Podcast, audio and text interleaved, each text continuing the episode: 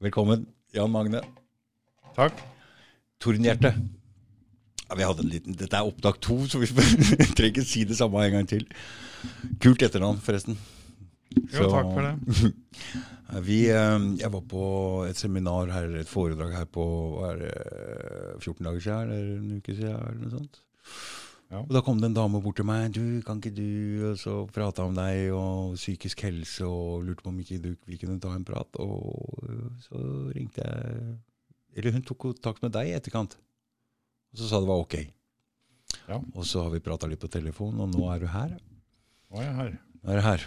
For, og så tenkte vi, for du driver og hjelper folk nå ikke sant, med øh, psykiske lidelser, eller hva, hva, hva jobber du med? Altså, jeg, jeg driver eh, Jeg er styreleder og daglig leder i en eh, bruker- og interesseorganisasjon mm. for psykisk helse. Og det vi driver med, mye med, det er eh, interessepolitikk, da. Og- interessepolitikk. Vi holder, eh, holder en del kurs også, da. Mhm. Og type likemannskurs og selvhjelpskurs, eller selvutviklingskurs, som du heller vil kalle det. da. Mm. Så det driver vi med. Vi har utvikla et kurs uh, For å hjelpe folk? ja, så at folk skal kunne hjelpe seg selv, i Mm. hovedsak. Så Mm. vi, vi hjelper folk til Eller vi, på de kursene så gir vi dem verktøy som de da kan bruke ja, sammen med en annen, eller eh, på egen hånd. Mm. Fordi mm, Jeg tror det blir delt ut litt eh, piller i Norge til eh, folk, så dette er noe Med den vinteren vi har, og folk sitter mye aleine, så tror jeg det er en del psykiske problemer i Norge.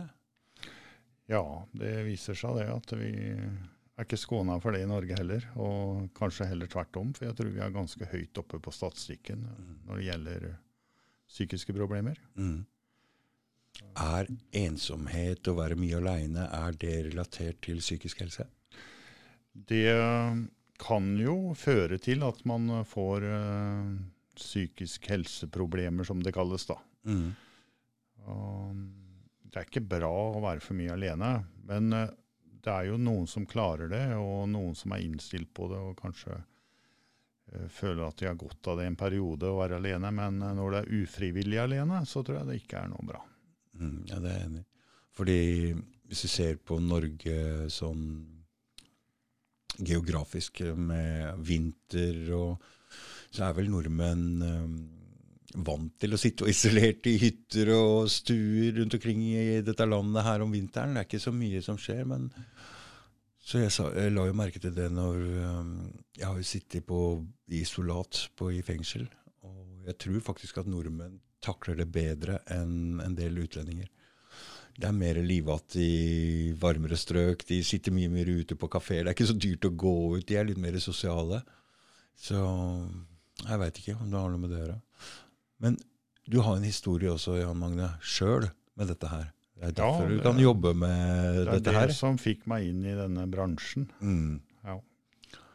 Kan ikke du Ja. fortelle litt om det? Du, hva som skjedde med deg, og hvordan, hvordan dette her, når det begynte, og hvordan, hvordan det har vært? Ja, altså eh, Jeg har jo hatt uh, f.eks. angst. Det har jeg hatt så lenge jeg kan huske. Hva betyr det? Hva, Ja, hva betyr Ja, hva betyr det? Ja, så mm, man vegrer seg Man gruer seg til å dra en plass fordi, fordi man føler at man presterer dårlig, f.eks. Og, Eller man ikke har gjort lekser når man skal på skolen. Mhm. Det er noen folk der som ikke er snille mot deg.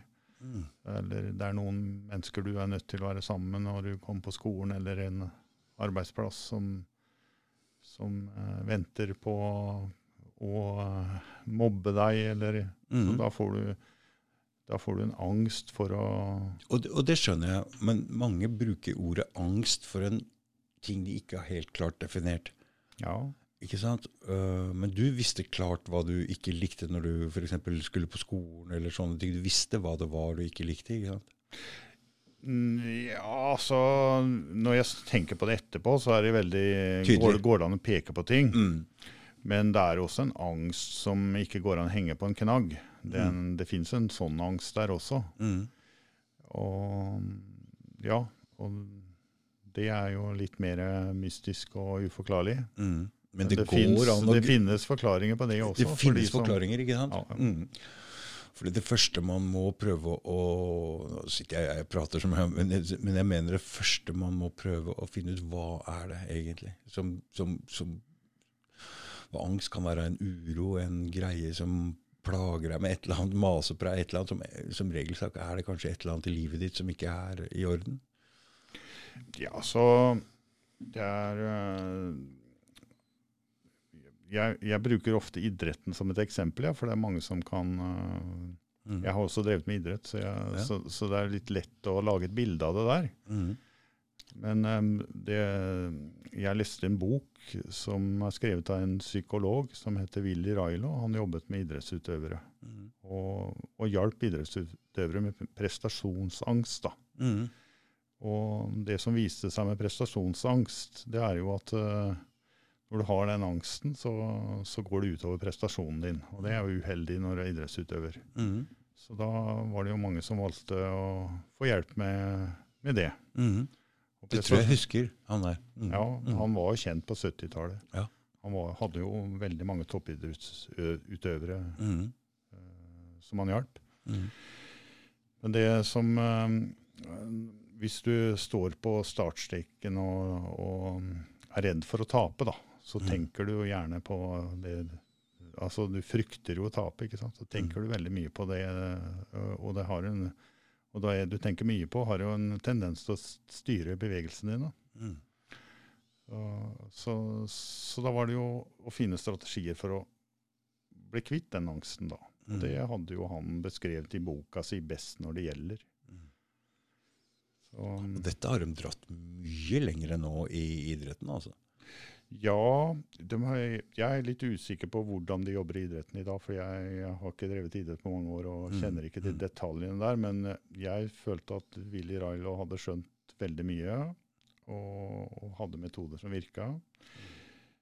Um, nå, nå, hvis vi skal snakke om min historie, da, Ja, så, så, så hadde jeg Jeg har hatt angst i hele livet, da, det de kaller angst. Mm. Det kan kalles frykt også. Mm. Uro. Mm. Og, og det, var, det var begge deler, men det var det som, det som jeg kunne relatere til nå. Det var jo det som var lettest å begynne å jobbe med når man skal begynne å jobbe med seg sjøl. Mm. Men min eh, lidelsehistorie, eller hva jeg skal kalle det, Mm. den startet faktisk når jeg var student. Og da hadde jeg jobbet med en eh, energiteknisk teori i en god stund. Og jeg hadde såpass sterk tro på den at jeg begynte å kontakte øh,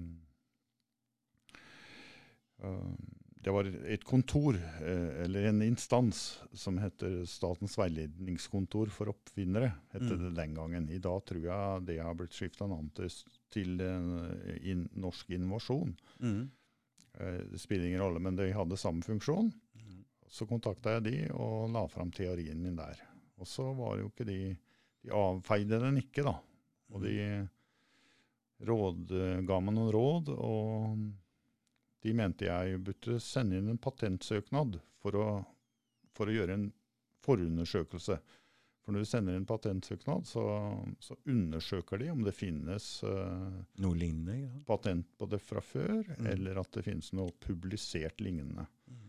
Hvis det er publisert, så får du ikke patent da. Hvis det er kjent, eh, selv om det ikke er patentert, så, så får du ikke patent. Så gjorde jeg det. Um, og jeg begynte å få veldig tro på at jeg hadde funnet på noe vanvittig smart, og nesten kunne frelse verden med dette her. Mm, det er spennende. Så øh, fikk jeg en vanvittig selvtillit, og jeg fikk en veldig sånn sterk euforisk glede.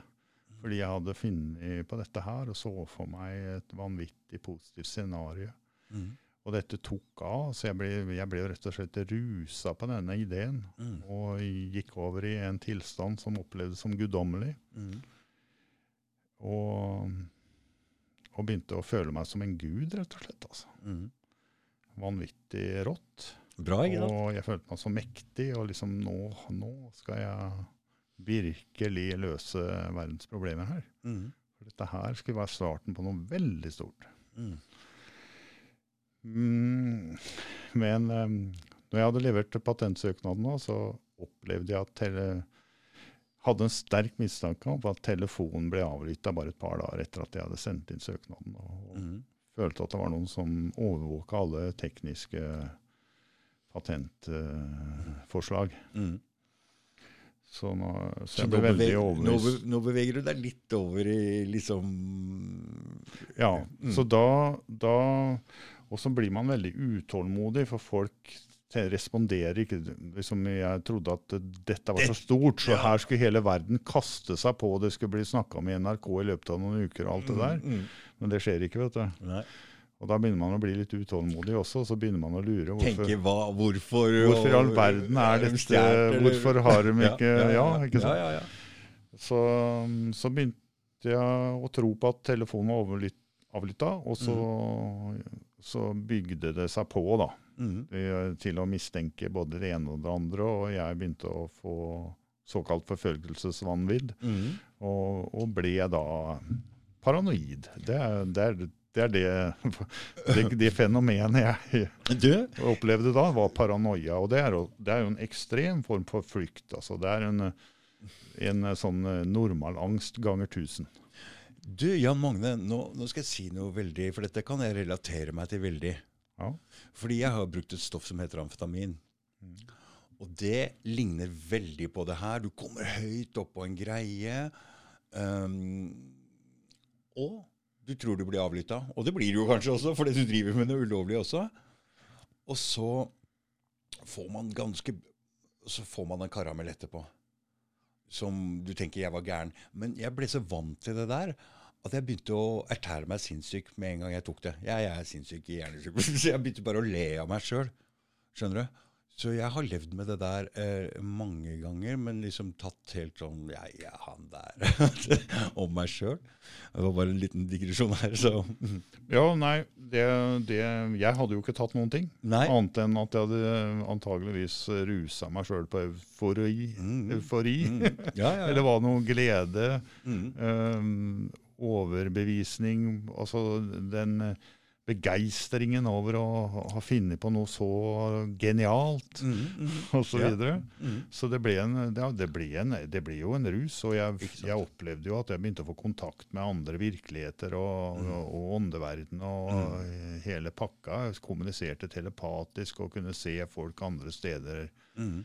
Og, og, jeg så jo for meg at jeg var noen ute etter meg også, og jeg kunne gjennomskue dem Mm. før de kom, og, Mm. Og så. Så sånn du dro jeg- ganske langt? Så, så, så, så jeg var jo rundt omkring og gjorde en ganske mange sånn rare, Rare ting, ting for, å, for å lure de, jeg de som var etter meg. Jeg vet akkurat det der. Men så, så, så følte jeg at jeg hadde full kontroll da, liksom over de som var ute etter meg, sånn som jeg så for meg. da. Mm, mm. Men en dag så følte jeg meg pressa inn i et hjørne, og så så jeg ingen utvei derfra. Oi, så gjorde du et eller annet? Så da, da ble jeg så desperat at jeg slo armen gjennom et vindu da, Mm. idet naboen gikk forbi. For det var liksom et slags underbevisst rop om hjelp, pleier jeg å kalle det. Mm, mm. Det var, det var et rop om hjelp. Jeg visste ikke hva jeg skulle gjøre. Jeg følte at jeg skulle bli skutt når som helst. Ikke sant? Og så gikk jeg ut da i, med blødende arm ut i gata, og da kom eh, politi og ambulanse. da. Og da ble jeg kjørt på legevakta. Og så ble du evaluert av noen, og så begynner du å fortelle om det her? Ja, jeg var jo jeg var i en sjokktilstand. Mm. For eh, ja, jeg var i en sjokktilstand, så, så jeg altså, Man kan si at jeg var en psykose, men det var ikke bare psykose. Eller jeg var nok ikke i Jeg var, jeg var i en sjokktilstand. Mm. Og det var en ekstrem frykt, for jeg følte jo at jeg skulle bli tatt livet av. ikke sant? Og det Mm. var for meg, i den, eh, min verden, da var det var like reelt som det skulle ha stått noen der med gevær altså, Mm. og skulle skyte meg i virkeligheten. Men det har jo sannsynligvis aldri vært noen der. Mm. Men det får man aldri bevist heller, om det var noen eller ikke. Men, så, det, så man kan jo aldri være sikker på noe som helst, egentlig. Mm. Men uh, min virkelighet og min opplevelse den var like sterk som om det skulle ha vært noe. Det er det må jeg si. Mm. Ellers hadde jeg jo ikke reagert så hardt sterkt som jeg gjorde. Den eh, kan vi gå tilbake til den oppfinnelsen din. uh, uh, hva skjedde med den? Ja, altså Måtte du ta avstand til den nå, eller? eh? Jeg eh, Jeg klarte jo ikke å legge vekk den sånn i min eh, tankeverden da, Nei. med en gang. nei. Men eh, det skjedde jo at jeg kom på, på ble innlagt, da. Mm. Sant? Og da ble jeg ganske hardt medisinert, så da fikk de jo medisinert veldig mye av min interesse for den Mm. ideen, i hvert fall en periode. Mm. Mm. Så sånn skjedde det. Du Og så kan jeg jo Mm. si at den ideen har jo aldri blitt ordentlig verifisert, og selvsagt ikke realisert, for da hadde vi hatt helt andre måter å okay, så du kjøre biler Vi hadde ikke behøvd den form for energiutvinning som vi bruker nå. Men Nei. forskjellen på det Den store forskjellen på den ideen og det vi har i dag, er at den gjør folk uavhengige. Da. Du trenger bare å kjøpe en motor, og så går det. Uten at du trenger å fylle på noe som en eller annen uh, riking selger. Å ja, Magne, dette må vi prate mer om etterpå! det, det kan vi ta på neste, Ja, neste intervju. ja, Ja. fordi Men det var, det var altså det som Det var én trigger av flere, skal jeg si. For Mm. det var ikke bare det som trigga den tilstanden. Men Det er lett å si at det er det, men det var det som fikk det til å renne over. da. mm. Fordi det var mange, mye som lå der i Mm. min syke, som trengte å jobbes med. Mm.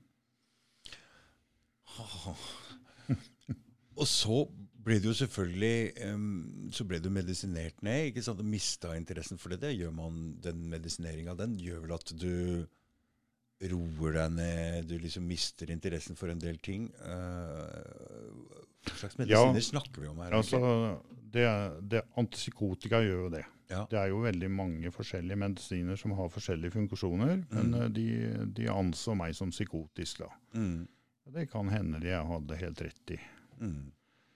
Og om jeg skulle medisineres eller ikke, det, det, da, det er vanskelig å si. For det er ikke sikkert jeg var mottagelig for så veldig mye annet den gangen. Nei, i en Så sånn eh, akutt greie Så at medisin fikk meg jo liksom ned og, Men eh, den hadde jo veldig alvorlige bivirkninger. Ja. Så, så, så den, eh, den, eh, den fikk meg jo litt ned på nakken. Nei, på bakken, mener jeg. Mm. Ja, på nakken. eh, De kan Mm. godt si det på den måten. Ja, du fikk Nesten si det på den måten òg, men det var bakken jeg skulle si. Mm. Og, og, men jeg mista jo interesse for det meste av det som jeg har vært interessert i før. Jeg var superinteressert i alt som handler om vitenskap og natur. og liksom satt og så på sånne vitenskapsprogrammer. eh, Jeg satt og så gjennom programmet hver uke og plukka meg ut vitenskapsprogram som jeg skulle Mm. se på, for jeg kunne ikke gå glipp av noe. Men du, Alt det der ble uinteressant etter ja, det, jeg gikk på det er jo en ting med det, det jeg kaller meg for sånn livsgnist eller livsvilje, det er jo interesse, og man har energi mot noe. og Dette er jo veldig bra. Og så ta bort det, da tar du faktisk eh, livskraften eller livsviljen bort fra noen med å ta bort og slette det så det blir helt eh, blir tomt. da. Ja. Det, det, jeg eh, fikk jo Haldol, da, som er eh, et ganske gammelt det var jo, Dette var i 1994, så er det en god stund siden. Men Mm. selv den gangen var jo det et gammelt preparat. Ja. Så, så det som eh, er veldig sterkt, men det har også veldig sterke bivirkninger. Og det er det som er problemet med disse medikamentene. Da. Det er jo at de har så alvorlige bivirkninger. Så, og jeg, for meg så var ikke de bivirkningene til å leve med. Og livet mitt mista verdi, verdi, all verdi. Mm. Jeg hadde ikke noe Nei. igjen Nei. av det som var meg tidligere. Mm.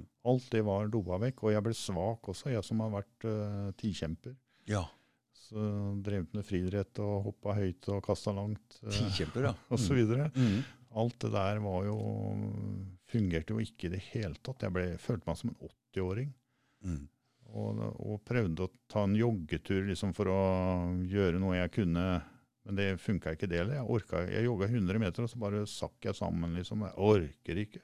Nei. Og jeg som har hatt en sånn en drive, jeg har sånn drive, ja. hatt Mm. problemer med at jeg trener for mye og sånn. Mm. Klarte ikke å Mm. jogge altså, Mm. en gang. Og den Så det sier litt kontrasten hvor, der, hvor sterkt dette middelet er eh, sånn, Mm. i forhold til å dempe energien. Altså. Mm. Så du går fra å være en tikjemper, en idrettsfyr, til å få en skikkelig god idé, til å dra den litt for langt, og så får du en pang! En medisin som setter deg helt, eh, helt i bånn. Og så begynner du å lure på hva er dette her? Altså, jeg, jeg var jo mm, paranoid når jeg kom på et sykehus også, og Mm. jo, trodde jo at det var folk der som ikke var ærlige. som Jeg så for meg en konspirasjon da, som Mm. var ute etter å ta av meg, for de ville ikke at dette skulle ut på markedet. Mm. Det var, eh, det var jo Jeg så for meg at det var en, eh, en slags eh, finanselite som eh, skulle ta meg. Mm. Fordi de skulle fortsette å tjene penger på det bestående, og dette skulle ikke ut på markedet. Det var min, det var min paranoia. Og de skulle så- ta meg pga. det. Altså, jeg som er litt sånn konspirasjonsteoretiker sjøl, er jo ikke så far out å tenke sånn, da. Nei, så det, det hadde jo en logikk, alt sammen. Ja. I min tankeverden så var alt helt logisk. Mm. At dette skulle skje, og at eh, jeg skulle bli tatt av dage, og hvorfor i all verden. Ja, det, det hører også med til historien at jeg fikk jo noen patenter som, eh, som eh, viser seg Som i hvert fall var stempla som patenter. Ja. og hadde fått et patentnummer, men de hadde jo heller aldri blitt realisert. Så det også gjorde meg jo ekstra mistenksom. Hvorfor i all Mm. verden kommer ikke dette på markedet? Det Mm. fantes jo tilsvarende teknologi fra før, og så får ikke folket det. Det gjorde meg jo ekstra Da begynner jeg å lure på om de lurte deg litt. om du hadde rett. Ja, altså det, det spørsmålet tok jo ikke psykiaterne noe Hensyn til. hensyn til. Nei, nei, nei. ikke sant? Nei, selvfølgelig Så, så, men jeg, men, jeg, men jeg, at jeg trengte hjelp, det er ingen uh, tvil om. Nei, nei. Jeg trengte hjelp, Mm. og, men jeg hadde jo ikke var- den, kan, altså, Jeg kunne sikkert vært hjulpet på en annen måte, men den kompetansen fantes nok ikke på denne planeten, antageligvis. nei. Akkurat, i hvert fall ikke i Norge. Og dette skjedde i 94. Det er jo også Ja, 94, så, ja. Som, som jeg ble innlagt da. Det var i på, siste dag i påska, andre påskedag ble jeg innlagt i Mm. 94. Så hva skjer nå? eh, Når du slipper ut derfra, masse medisinering og oppfølging og Hvor lenge skal du være pasient? Ja, så jeg ble jo sagt at jeg skulle gå på dette her i to år. Oi! Det, og det syns jeg var helt uutholdelig, for jeg hadde det såpass øh, Det ble bare verre og verre, egentlig. da. Det var liksom ikke Sånn. så ille i begynnelsen, men så ble jeg sløvere og sløvere, og jeg Mm. begynte å knaule på Og så klagde jeg på at det var bivirkning, men da fikk jeg høre at det var sykdomsutviklingen. Det klarte jeg ikke å tro på. Mm. Jeg var overbevist om at det medisin, eller såkalt medisin. For det er, jeg er vanskelig for å, å bruke det begrepet på det preparatet, for å si det sånn. Mm. Eh, Det hadde funksjonen at det fikk meg nok litt ned på bakken da, og fikk dempa energien min og tankevirksomheten min til en viss grad. da. Mm. Jeg føler vel kanskje at de stoppa, satt eh, cellene mine på, på, på lavbluss, sånn at jeg ikke fikk vært så hyper. Mm. Men eh, de, de fjerna jo ingenting av ideene mine, eller noe som helst, bare det at jeg ikke orka å hevde meg lenger. Det er jævlig likt det der med amfetamin, for jeg har jo jeg har jo sett alle kameratene mine omtrent klikke på det stoffet der. Bli sånn som du forteller der. Jo, Tro på et eller annet sinnssykt, og så høyt oppe. øh, Så, så, så det er veldig, det er mange likt. som får en psykose av rusmidler òg. Amfetamin spesielt. Amfetamin spesielt, da. Ja, Mm. så, men rusverden er en ukjent verden for meg. da. Ja, men er, jeg sier det, Jeg har, jeg har jo selvfølgelig rusa meg på alkohol, som er lovlig, en Mm, lovlig mm, rus. mm, Men, eh, mm, Det er noe helt det, men eh, eh, jeg har jo skjønt at det ikke er så sunt. å og kunne snakka litt om det òg, men jeg tror ikke jeg skal ta det nå. Mm. Men det som kanskje er interessant, eh, er jo Ja, hva skjedde med meg? Ja, hva skjedde? Hva skjedde? Hvordan kom det deg vekk fra det halv, det, halvdor? Halv, Ja, så det som skjedde var at jeg holdt ikke ut, slutta tvert, og så ble jeg fort innlagt igjen. hvorfor? Ja, fordi da kom paranoiaen tilbake med 20 ganger så stor kraft. Ja. Da var det mye verre. Mm. Da var det, da var det mye mørkere. Da var, eh, var det en mye Da så jeg en mye mer grusom uh, skjult makt av hva de holdt på med. Mm. Og med dyreforsøk og alt mulig rart, hvor det var eh, griser med menneskehoder og alt mulig som sprang rundt og Ja, det var helt grusomt alt det jeg så. Altså, Mm. Jeg vil ikke snakke om alt. Så det, eller drømte det, eller Ja, jeg så det for meg i mitt indre syn. Jeg akkurat som Mm. jeg så noe som skjedde langt borte, eller på en annen Mm. plass. da. Mm. Så jeg så veldig mye sånn grusomheter. da. Mm. Som i, Så nå ble det verre, ja? Når du stoppa så, så, så det var Man kan fort tenke at man så noe som skjedde en annen plass. da. Mm. Og at sånt noe skjer. Det var, jeg følte vel liksom at det var en høyere makt som ville vise meg hva som skjer her på jorda. Mm, Det var jo litt det, og det, det, ble, det ble for hard kost. mm. Så da gikk det ikke lang tid igjen før jeg ble innlagt på nytt. da. Eh, Gjorde du det sjøl, eller ble du, var det noen som ringte, eller? Da, da, da ble jeg innlagt med så Det kom uniformert politi, da. For du begynte å oppføre deg rart, eller?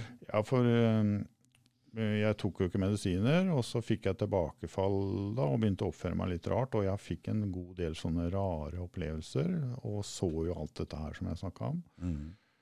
Og min mor ble veldig bekymra, og det er ikke så rart. Og, og, og kontakta jo helsevesenet, og da endte de opp med at det kom fastlege først. Mm. Men jeg mistenkte han for å ikke være ærlig, da. Mm. Så, så jeg tok, og, tok veska hans og sprang jeg ut av veien. Og så kasta jeg den så høyt opp som jeg kunne. Og da hadde jeg fått tilbake eh, kraften min, så jeg var ikke Da, da var du Dem- fysisk dem- sterk igjen, ikke Ja, sant? ja så den Mm. veska den gikk ganske høyt opp i lufta. Og når han landa, så bare klappa han eh, Liksom bretta han seg ut, og så pillene og alt bare fløy utover veien. Ja. Og da kom politiet, da. Det skjønner jeg jo. Og satt, så jeg gjorde jo ikke noe motstand mot politiet. Jeg ble satt i håndjern og, og så ført til eh, sykehuset. Mm. Innlagt igjen, og det ble en ny runde med medikamenter. Da fikk, Samme, fikk et annet medikament da, som skulle Mm. være så mye bedre. og Det var noe som heter Sisodinol. Mm. Det hadde andre bivirkninger, men det var ikke så veldig mye bedre. altså. Nei. Jeg ble veldig sløv av det òg. Jeg mista jo interessen for det meste. Da, da valgte jeg å gå på det, for da var jeg redd for å slutte. da. Redd, ikke sant? Så, mm. Men etter eh, sju måneder så ble det uutholdelig igjen, og jeg ville prøve å slutte. Og da, da valgte jeg å legge vekk oppfinnelsen. Jeg valgte liksom å Ok, glem det greiene der. Ja, for nå, det Mm. tåler jeg ikke å tenke på. Nei. Og så fikk jeg meg en eh, tømrerjobb, for det har jeg jobba med før jeg begynte på ingeniørskolen. Mm.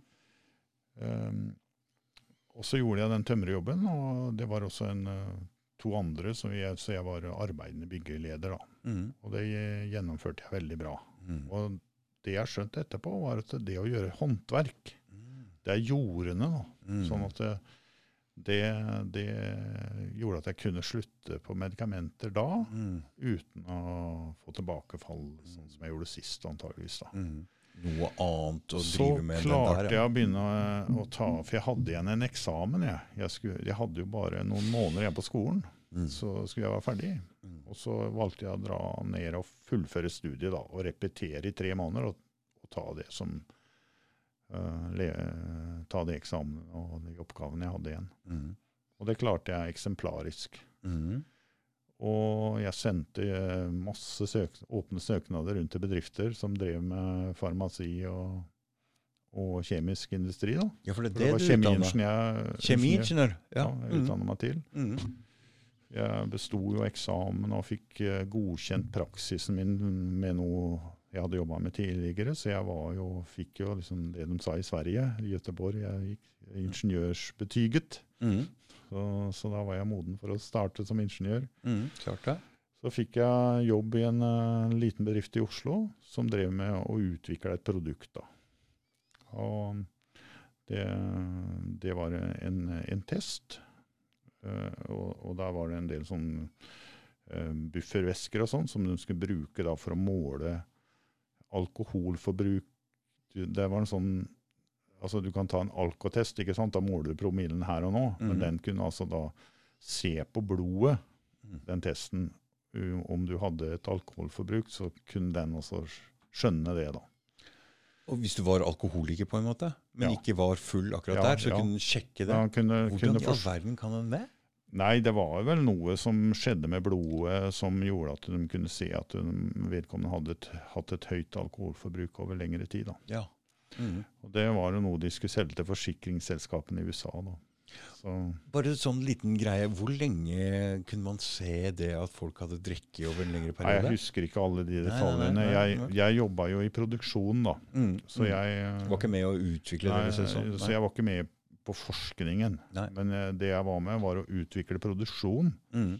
Så jeg- Så, det de begynte da å skulle produsere en del prøvekit. Så, så de hadde bare stått med sånne dispenser og lagd den der veska på en veldig sånn uh, ineffektiv måte. da. Mm. Så jeg hadde jo jobbet i byggebransjen, så jeg fikk da lagd et slags samlebånd der, da, sånn at det, den eh, produksjonen ble mye mer effektiv. da. Så, så, så jeg hadde ikke så veldig mye sånn eh, Overhodet ikke forskeroppgaver eh, i den forstand at jeg utvikla det produktet, Mm. men jeg utvikla produksjon. da. Mm. Mm. Men eh, får vi tilbakefall her igjen, eller siden vi slutter Ja, med så gikk det ganske bra der, da. Mm. Jeg begynte å få tilbake troa på meg sjøl og at jeg skulle Men jeg hadde en litt sånn Jeg hadde en sånn uggen Men følelse. nå er det ingen medisiner, ikke sant? Nei, nå var det slutt på medisinene, men jeg, Mm. jeg hadde jo også ikke orka å trene noe. Jeg var vant til å være fysisk aktiv og sånn, så jeg følte meg jo litt sånn redusert fordi jeg ikke hadde trent på noen måneder. Mm. Og, og tenkte ikke så mye på at uh, Tenkte at jeg også, den medisinen han kom til å sitte De bivirkningene og langtidsbivirkningene kom til å sitte i kroppen en stund. Det var Gjør også- du det, eller? Sitter de lenge? Ja, det gjør det. Det kan jeg komme til litt lenger ut. Mm. Um, men eh, jeg kom i bedre og bedre form, da. Og kanskje litt for god form igjen eh, etter hvert. Men så hadde jeg også sendt en søknad til Borregaard i Sarpsborg, og da hadde jeg sam en kjæreste i Halden, da. Så da hadde jeg lyst til å flytte sammen med henne. Mm. Og da var det jo mye bedre å jobbe i Sarpsborg enn i Oslo, for det ble en veldig lang vei. Så mm, får jeg tilbud på Borregaard, og så mm, er jeg såpass eh, så Siden jeg var i en jobb i Oslo, selv om dette ikke var fast jobb, så fikk jeg tilbud om fast jobb i Oslo. Mm. Men så, og det var jo en interessant jobb òg. Men eh, da brukte jeg det tilbudet da, til å få heisa lønna litt på Borregaard. da. Så da var jeg med et S igjen, da kunne forhandle lønn. og Mm. og fikk da jobb på Borregaard, men det var jo en skiftstilling, vet du, skiftingeniør. Så da skulle jeg jobbe femskift og jobbe om natta. Og det Mm. tenkte ikke jeg på at det kunne være tøft for min syke. Jeg tenkte ikke at jeg kunne være psykosedisponibel lenger, men eh, det var ikke noe sjakktrekk å begynne å jobbe om natta. Så, men det lå jo der og ulma, det skjønner jeg jo nå i ettertid uansett, så det hadde nok kommet før eller senere. Men det at jeg begynte å jobbe skift, og den uh, uregelmessige døgn, døgnrytmen, den tålte jeg ikke mer enn eh, en drøy måned før jeg begynte å komme ut av vater skikkelig. Mm. Så var det jo også sånn at det Akkurat på mitt skift, da, selv om jeg hadde overhodet ikke noe ansvar da, jeg var under opplæring fremdeles, jeg skulle liksom ikke ha noe særlig ansvar før det hadde gått et halvt år. Så jeg var jo, men jeg, så jeg fløy og tok noen analyser og skulle lære prosessen. og det, var- det var jo en av Norges mest avanserte prosesser også, som var i vanillinproduksjon. Lagde altså Van- vanilje? vaniljesmaksstoffet av tømmer. Ja. Av, av avfallsstoffene fra papirmasseproduksjon. Ok. Så det, så det var en veldig avansert uh, prosess, med nesten det meste av, uh, av uh, sånne kjemiske prosesser du kan tenke deg i en fabrikk. Så det var spennende. Mm. Det syns jeg var veldig interessant og, og var så lærevillig. Mm. Men det var jo også, når du kommer på en arbeidsplass, da, så er det også en, et miljø på den arbeidsplassen. Ja. Og jeg opplevde jo det at det var litt sånn temperatur på gulvet der, da. At arbeiderne Og Og det var liksom et veldig høyt lederhierarki der, og litt sånn eh, snakke negativt om ledelsen og sånn. da. Mm. Så- sånn er det jo- Sånn er det i mange bedrifter. Sånn er det jo overalt, sikkert. Overalt. Ja. Mm. Men der var det litt er mer av det. Er du fra Sarpsborg? Jeg er fra Rakkestad opprinnelig. Ja, så det som hadde skjedd, eh, skjedde i Rakkestad De slår hendene gjennom vinduet, og så naboen i Sarpsborg Ja, visste, visste ingenting om det her. Dette da? skjedde i, i Halden, det da. Og, Det skjedde i Halden. Samboeren, mm. eller Mm. hun som senere ble samboeren min, da. Mm.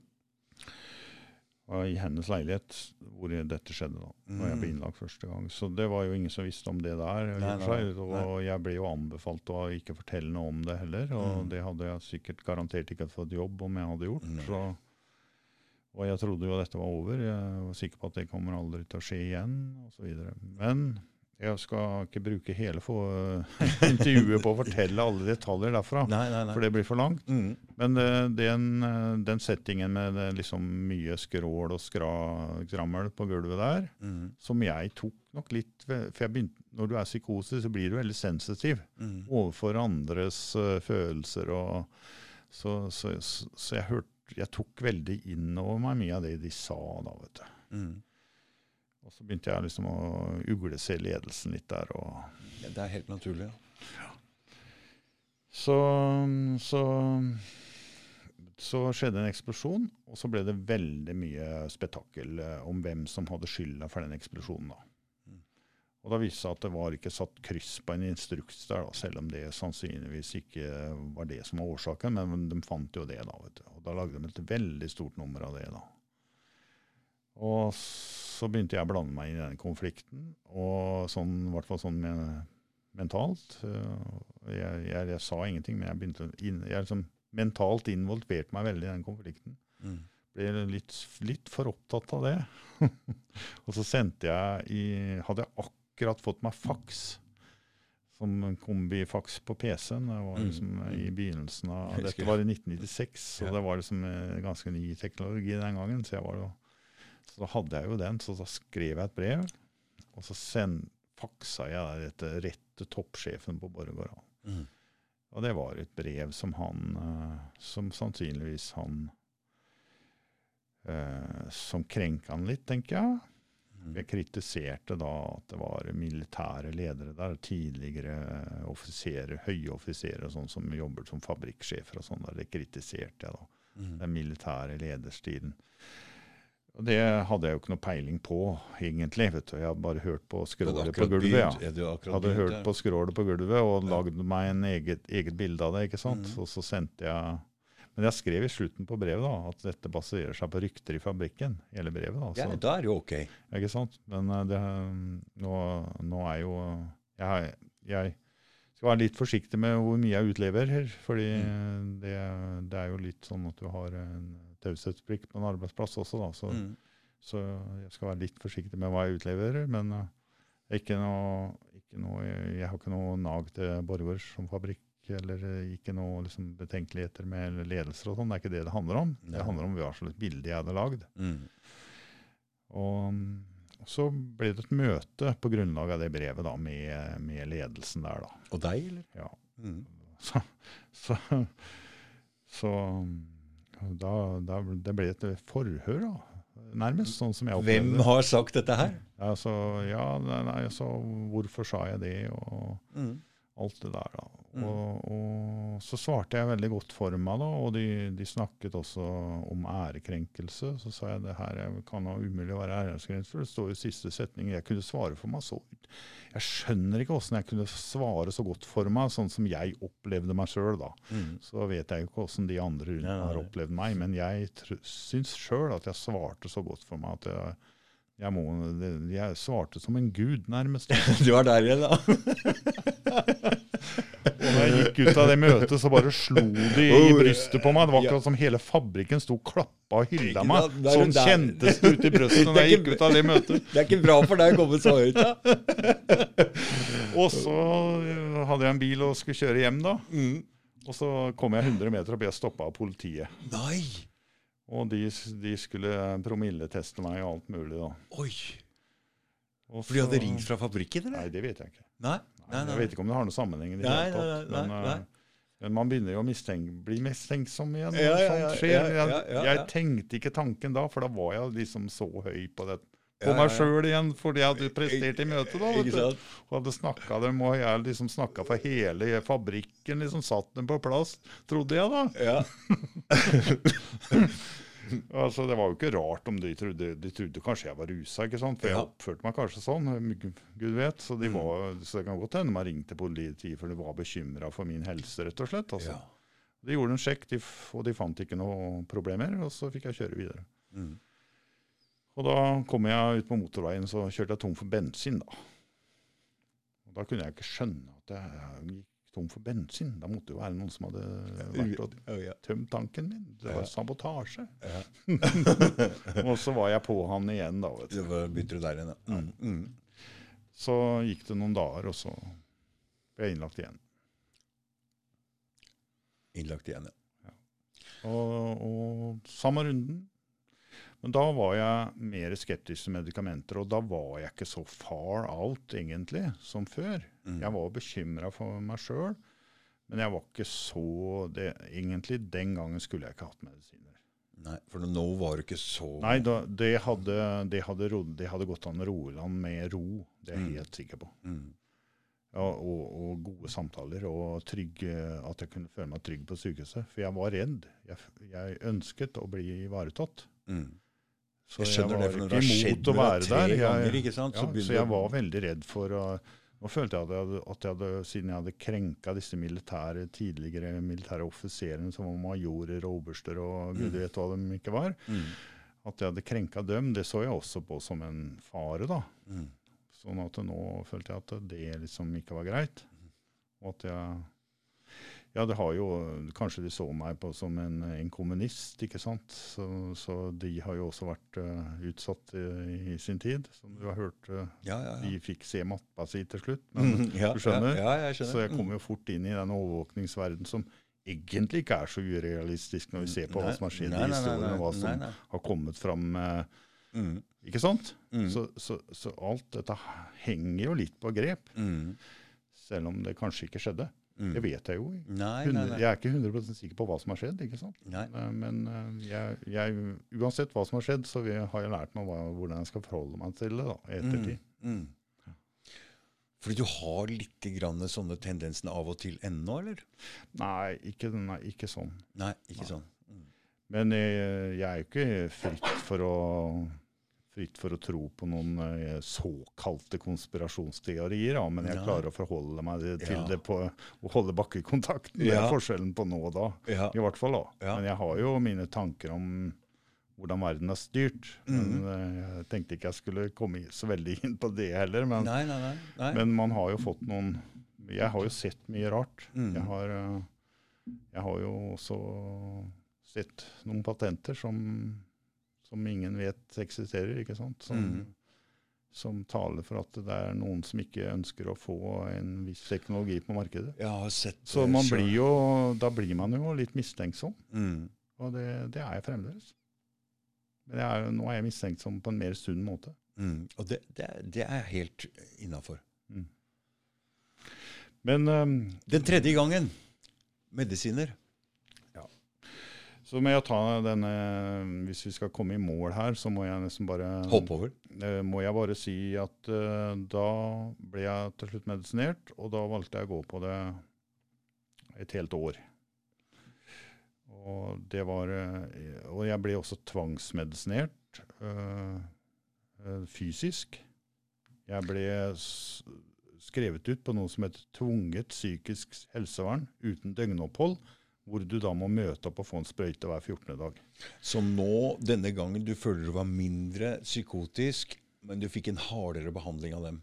Ja, altså, De eh, måtte liksom være strengere med meg, med tvang, mente de, da. For Ja. nå hadde, var, var det tredje gang, og da liksom Mm, Da mm. skulle jeg ikke slutte Nei. fort og gæli, sånn Nei. som de mente jeg hadde gjort før. Mm, De så jo ikke noe på hva jeg hadde opplevd, og hva som kunne ha trigga det mm. uten Ja. Så Det var bare bullshit. Det, det, skulle bare, Mm. det skulle bare medisineres. Det var ikke snakk om noe annet. Mm. Ingen diskusjoner førte frem, ingen argumenter førte frem, og jeg var bare en ubrukelig diagnose, opplevde jeg i hvert fall. Og Mm. ingenting av det jeg sa var verdt det grann. Så, så valgte jeg å slutte igjen da når dette tvangsvedtaket opphørte etter et år. Så prøvde jeg å slutte igjen. Mm.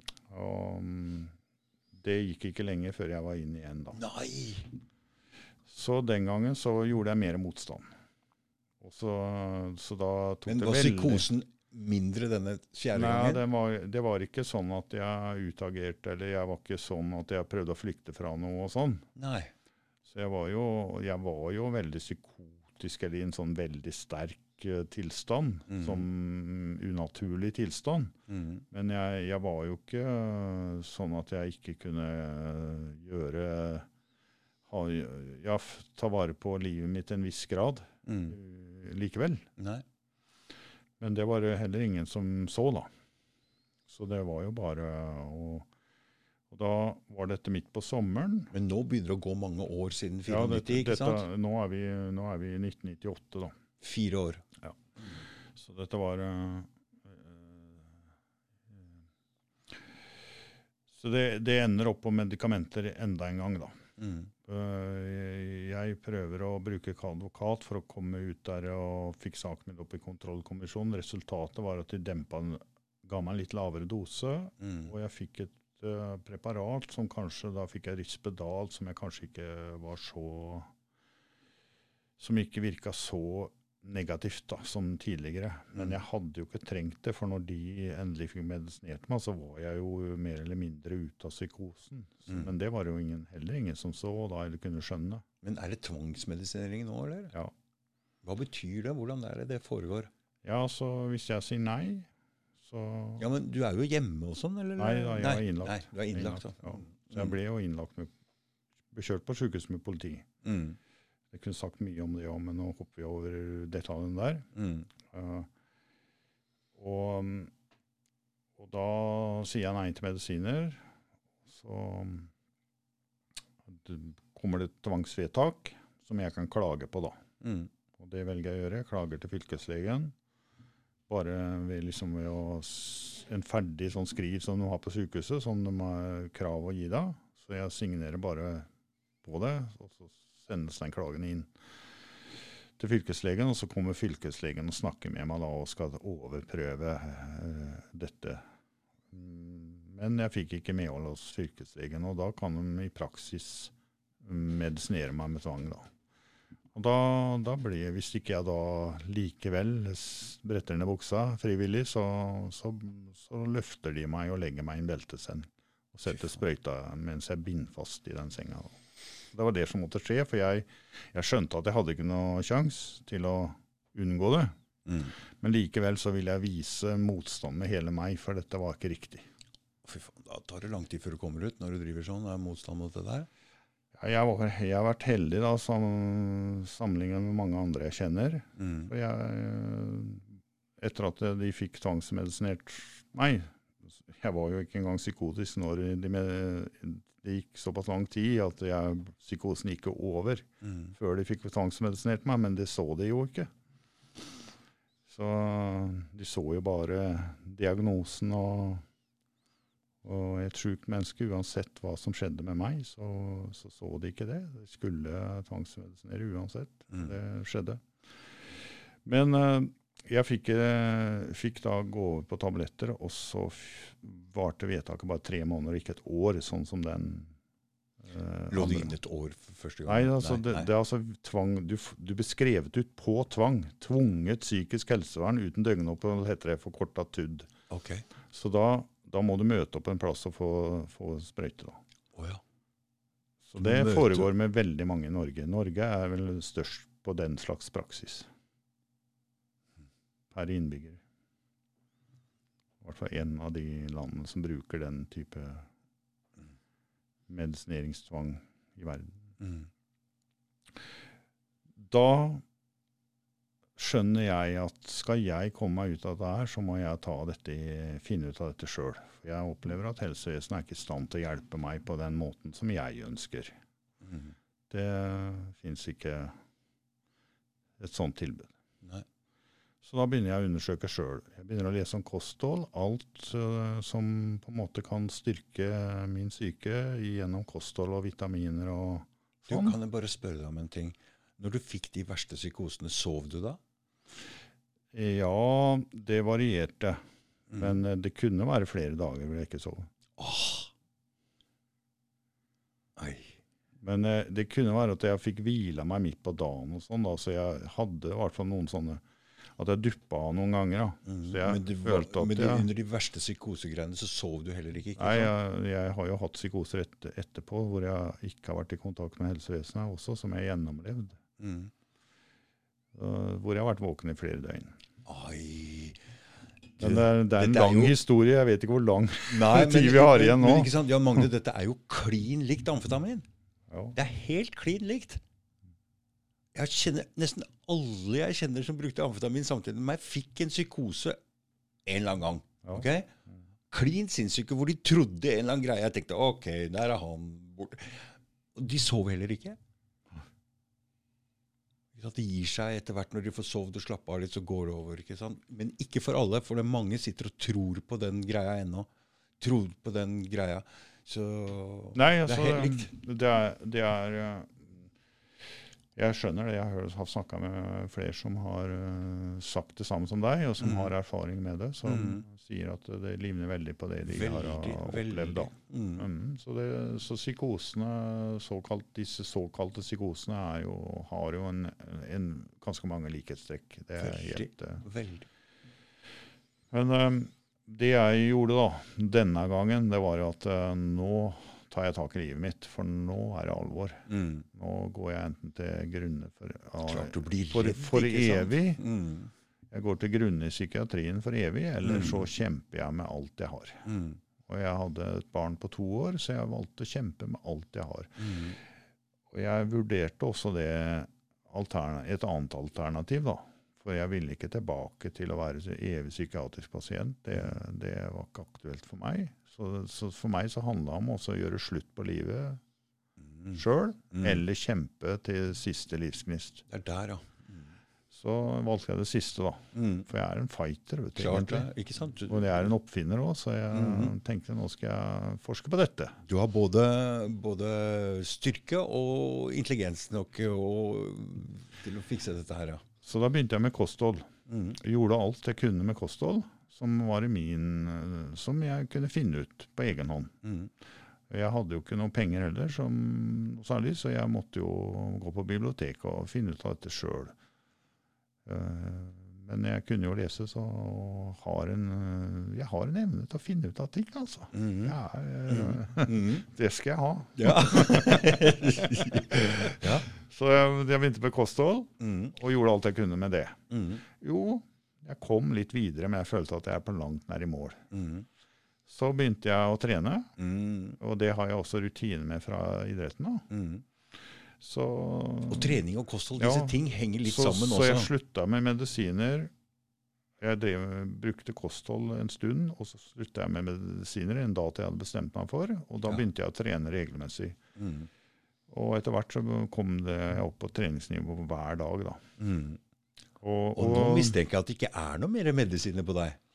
Nei, det, det ble det. ikke noe mer medisiner, men det var, jeg, jeg hadde en god del ting som jeg alltid har hatt i livet mitt. Mm. Men jeg hu- huska den boka til Willy Railo som jeg aldri fikk brukt i praksis. Jeg fikk den når jeg drev med idrett, men jeg tok bare bladde i den. Mm. Leste litt her og litt der. Men jeg fikk meg aldri til å begynne med de øvelsene den gangen. Så tenkte jeg Faderen, disse, disse øvelsene må kunne fungere på, på angst som handler om noe annet enn idrett. Hvorfor skulle det ikke det? Mm.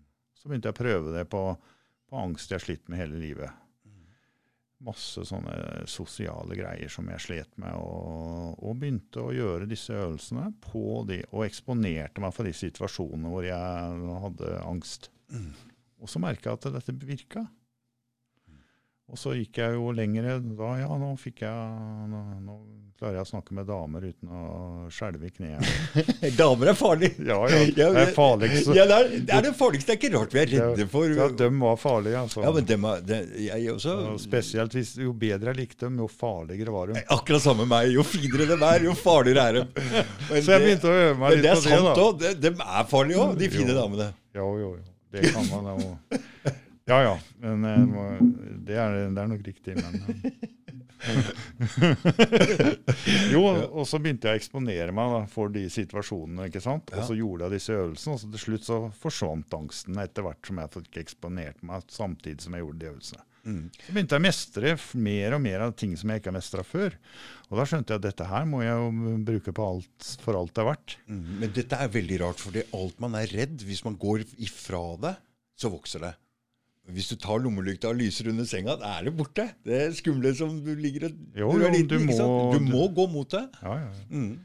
Men uh, jeg, jeg kjente jo at det lå noe der. Da. Det lå liksom en sånn klump i magen og ulma. En sånn grå energi kjentes ut som, som lå der. Som jeg skjønte at den kommer opp før eller senere, så jeg må bare jobbe videre. Mm.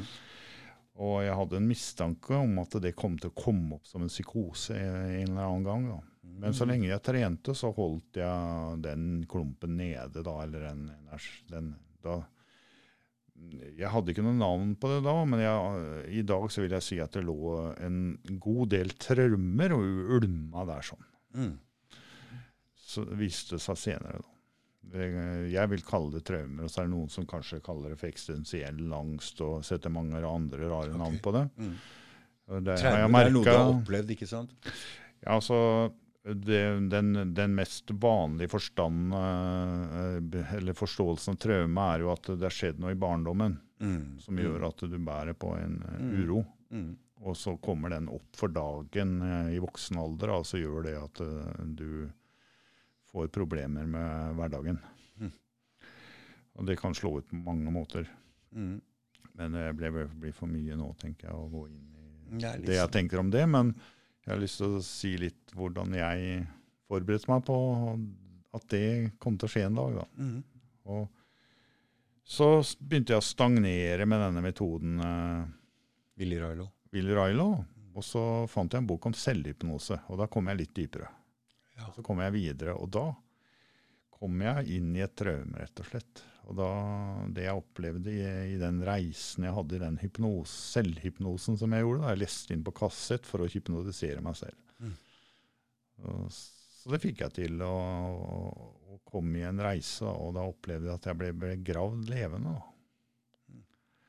Og så liksom eh, kom jeg ut av den situasjonen, og da jeg var ferdig med den reisa, så kunne jeg gråte. Det kan ikke huske jeg, jeg kan ikke huske jeg gråt. Eh, Jeg gjorde sikkert det i barndommen, men jeg kan liksom ikke Når gråt jeg sist? Mm. Jeg har bare uttrykt meg med sinne Mm. og ikke kunnet gråte. Og da kunne jeg gråte. Og det var så deilig å kunne Fint, gråte. ja. Så da fikk jeg, følte jeg at jeg fikk forløst noe da, som, som har ligget der egentlig hele livet. Mm. Så, øh, og, så jeg følte en sånn lette etterpå. Ja, men du vet, disse følelsene de kommer etter hverandre. Etter gråt kommer lettelse. Ja, Det er sånn de fungerer. De kommer i, i rekkefølge. ja. ja, ja. Så- Nei, så, og den vedvarte, da. Men, men det lå mer og ulma der, da. Mm. Så, så traff jeg en dame som eh, var eh, spirituell, og som, kunne, som jeg kunne snakke med hva jeg opplevde. For det hadde jeg heller ikke kunnet gjøre med noen Nei. før. Så, så da møtte jeg et menneske som kunne Da mener du hele prosessen? Ja, altså den det jeg hadde opplevd i mine psykoser, det Ja, ja, ja, innleggelsene mine og Mm, alt det mm, der, mm. hadde jeg måttet sitte med for meg selv, og ingen som hadde noe Jeg hadde prøvd psykolog og alt mulig, men jeg fikk jo bare ikke lov til å snakke om disse tingene. Liksom kom jeg litt ut, uh, ut uh, Eller forklare- forsøkte å gå litt på dypet, så nei, det får han ikke lov til å snakke om. Fordi liksom- han mener at det kan trigge, Ja, trigge ja. det igjen? Mm. Ah, ja. Oh, ja. Så, men Så med henne så kunne jeg snakke om hva som helst på dette området. Og vi begynte å sette det i et spirituelt perspektiv. Og nå snakker du om det på podkast her, til alle. Ikke noe problem. Ja, nei, nå, Dette har jeg holdt foredrag om, så Ja, ja, ja. det er ikke Mm. første gang jeg snakker om det her er- nå. Nei. Men øh, den klumpen lå der, da. Mm. Så da ble jeg enig med henne at hvis en psykose kommer, så skulle hun på en måte eh, støtte meg gjennom da, den prosessen. Og det som jeg sa, at jeg hadde faktisk gjennomlevd meg en psykose på sykehuset. Mm. For jeg, for jeg landa Men de medisinerte meg likevel. ikke sant? Så jeg Mm. hadde jo eh, Mm. en erfaring med det. Ikke sant? Så jeg hadde jo litt eh, Så tenkte jeg det er sånn det skjer. Og da ville jeg prøve det igjen. Men det var, det var jo Jeg opplevde jo det som litt skremmende. Men jeg gjorde veldig mye mental trening uh, for å forberede meg på at jeg kunne bli psykotisk igjen, og da skulle jeg stå i det. Mm. Så kom uh, Så valgte jeg å Jeg hadde kutta et kaffe, jeg hadde kutta et brus, jeg hadde gjort alt, liksom. Mm. Som, og jeg opplevde også at kaffe og brus, eller sukker, da, gjorde meg kanskje litt høyere, da, hvis du skjønner. Mm. Du som har rusa deg. Ja, ja, ja, som jeg forstår, så, så, så, så blir man litt høy, da. Det kan jo jeg også si. Jeg, altså. så jeg merket jo bare på kaffe og sukker at jeg kunne bli litt, litt høyere på det. ikke sant? Men det var ikke noe sånn god rus, det. altså. Det var liksom litt sånn derre. Litt sånn derre Litt ubehagelig, da. Mm. Så, så, Mm. så, så. Men jeg merket jo det også. Hadde jeg også kutta ut alkohol, Mm. fordi det hadde jeg også merket uh, ikke var bra for meg som var psykosedisponibel. For det, Ikke bra det for var, noen. Det var en trygg Nei, det kan du godt si. Uh, så er det jo litt med mengden òg, da. Klart ja. Men uh, jeg hadde valgt å Men så følte jeg at kanskje jeg skal ta en to-tre øl bare for å prøve å trigge den tilstanden, for den kommer jo før eller senere. Du prøvde å trigge den, du gikk mot den isteden. Ja, ja, så, fordi det er så vanskelig når man For da måtte jeg prøve å få den Mm. trigga det når, når jeg hadde anledning til å håndtere det, sånn tidsmessig i forhold til skole og jobb og alt det man driver med. ja, så du gikk mot den isteden for å gjemme Så, deg så, for den? så da, nå er en god anledning til å prøve det. Så dro Mm. vi på en hytte, Mm. og så kom på en hytte da, så hadde jeg jo hatt et sånn der eh, gammelt eh, usunt kosthold. Ikke veldig usunt, men uh, gjort mye av det som jeg gjorde før. da. Ja, for å prøve å trigge en psykose igjen? For å se om det kunne trigge psykosen. Ja. Så jeg kom dit, så tok jeg tre øl, og så kjente jeg det begynte å skje noe. At jeg liksom begynte å sveve litt. Ja. Sånn. Og da hadde vi også avtalt å ha et Hun var med deg? Ja. Ja, så Ja. da hadde vi avtalt å ha et rollespill. da. Så da, da for, det, for jeg, det jeg ikke har sagt, da var at jeg trodde jeg var Kristus også i dette her. eh, Ja, for du nevnte gudelignende tilstander. Ja, ja Mm, for mm. det, det, og så genialt som jeg var, så måtte jeg være Kristus. Ja. Tenkte jeg Mm. på det høyeste. Mm. da jeg var som høyest. Ja. og høyestest oppe. Og da, da Rollespillet gikk ut på at hun skulle stille meg noen spørsmål. Da. Så da sa han 'Hva vil Kristus gjøre nå?' sa hun da. Og da svarte jeg med en gang ja. og Da vil jeg innkalle alle verdens ledere. De skal sitte ved et langt bord. De skal ha en telefon foran seg, alle sammen. Mm. Og, og øh, så skulle jeg stå foran det bordet, da, og da skulle liksom de ha anerkjent meg som Kristus. Da så jeg for meg. da. Mm. Og da skulle jeg spørre alle som satt der, og om det er noen som ikke ønsker fred i verden. Skulle jeg stille det spørsmålet da. Og da så jeg for meg de satt der da, på langt bord. Det var ingen som, ingen som gjorde noe tegn på at de ikke ønska fred på jorda. Da. Ja, men så bra, sa jeg da. Mm. Da kan dere ta den telefonen som dere har foran dere, og så ringer dere til forsvarsministeren deres. Og så ber han om å ødelegge alt militært materiell i landet deres, så får dere fred på jorda. Mm. Og når jeg hadde sagt det, Mm. så kjente jeg at jeg begynte å skjelve i hele kroppen. Det kom en sånn vanvittig skjelve. Så jeg liksom bare sto sånn Mm. så, Og det, det var akkurat som jeg fikk frykten til alle disse verdenslederne i, i, i kroppen. Mm. Og så gikk den frykten over i et vanvittig raseri. Oh, ja. Og så gikk jeg ut, og så bare brøla jeg, og så hadde jeg sånn urop jeg brøla. da. Øh, øh, og, og så slo jeg en sånn spesiell rytme som jeg også hadde brukt en del tidligere, Mm. For å få ut uh, aggresjonen min, på en, på, kanalisert den ut på en ufarlig måte. Mm. Og da gjorde jeg også det. For å få ut den aggresjonen, så gikk jeg ut og slo på et tre og ropte. Jeg ropte noen affirmasjoner. Jeg husker jeg ropte 'jeg er trygg', 'jeg er sikker', 'jeg er sterk', osv. Så videre. Sånne ting sto jeg og ropte Mm. på full hals. Og så hadde jeg en sånn urlyd, som jeg kaller det. Ratatata, ratatata. Mm. og så slo jeg samme rytmen i treet. Mm. Og det brøla jeg, altså det drønna i hele skauen. Altså, da hadde jeg stemme. Fytti grisen for en stemme. så jeg var i den tilstanden, og så var stemmen min nå så inn i granskauen sterk. Altså jeg var en skikkelig høyttaler. Det, det, det, var jo litt sånn Altså, Å være i den tilstanden, det er noe fascinerende ved det. da. Mm. Så når du mestrer det, så blir det jo ikke så ille. For det gjorde jeg da. Mm. Så fikk jeg ut dette her. da. Mm. Og så når jeg liksom hadde brøla meg tom, så bare holdt jeg rundt treet. Og så kjente jeg det bare strømma en energi opp fra jorda, gjennom kroppen. Det bare liksom fossa igjennom, og så ut av huet mitt, og så opp i trekrona, og så liksom opp i universet. da. Og da sto jeg der og kjente på den strømmen til, til den liksom var uh, over etter en stund. da. Mm. Og så var jeg ute av det raseriet og den Jeg følte at jeg fikk virkelig forløst noe veldig um, sterkt som lå og ulma i meg nå.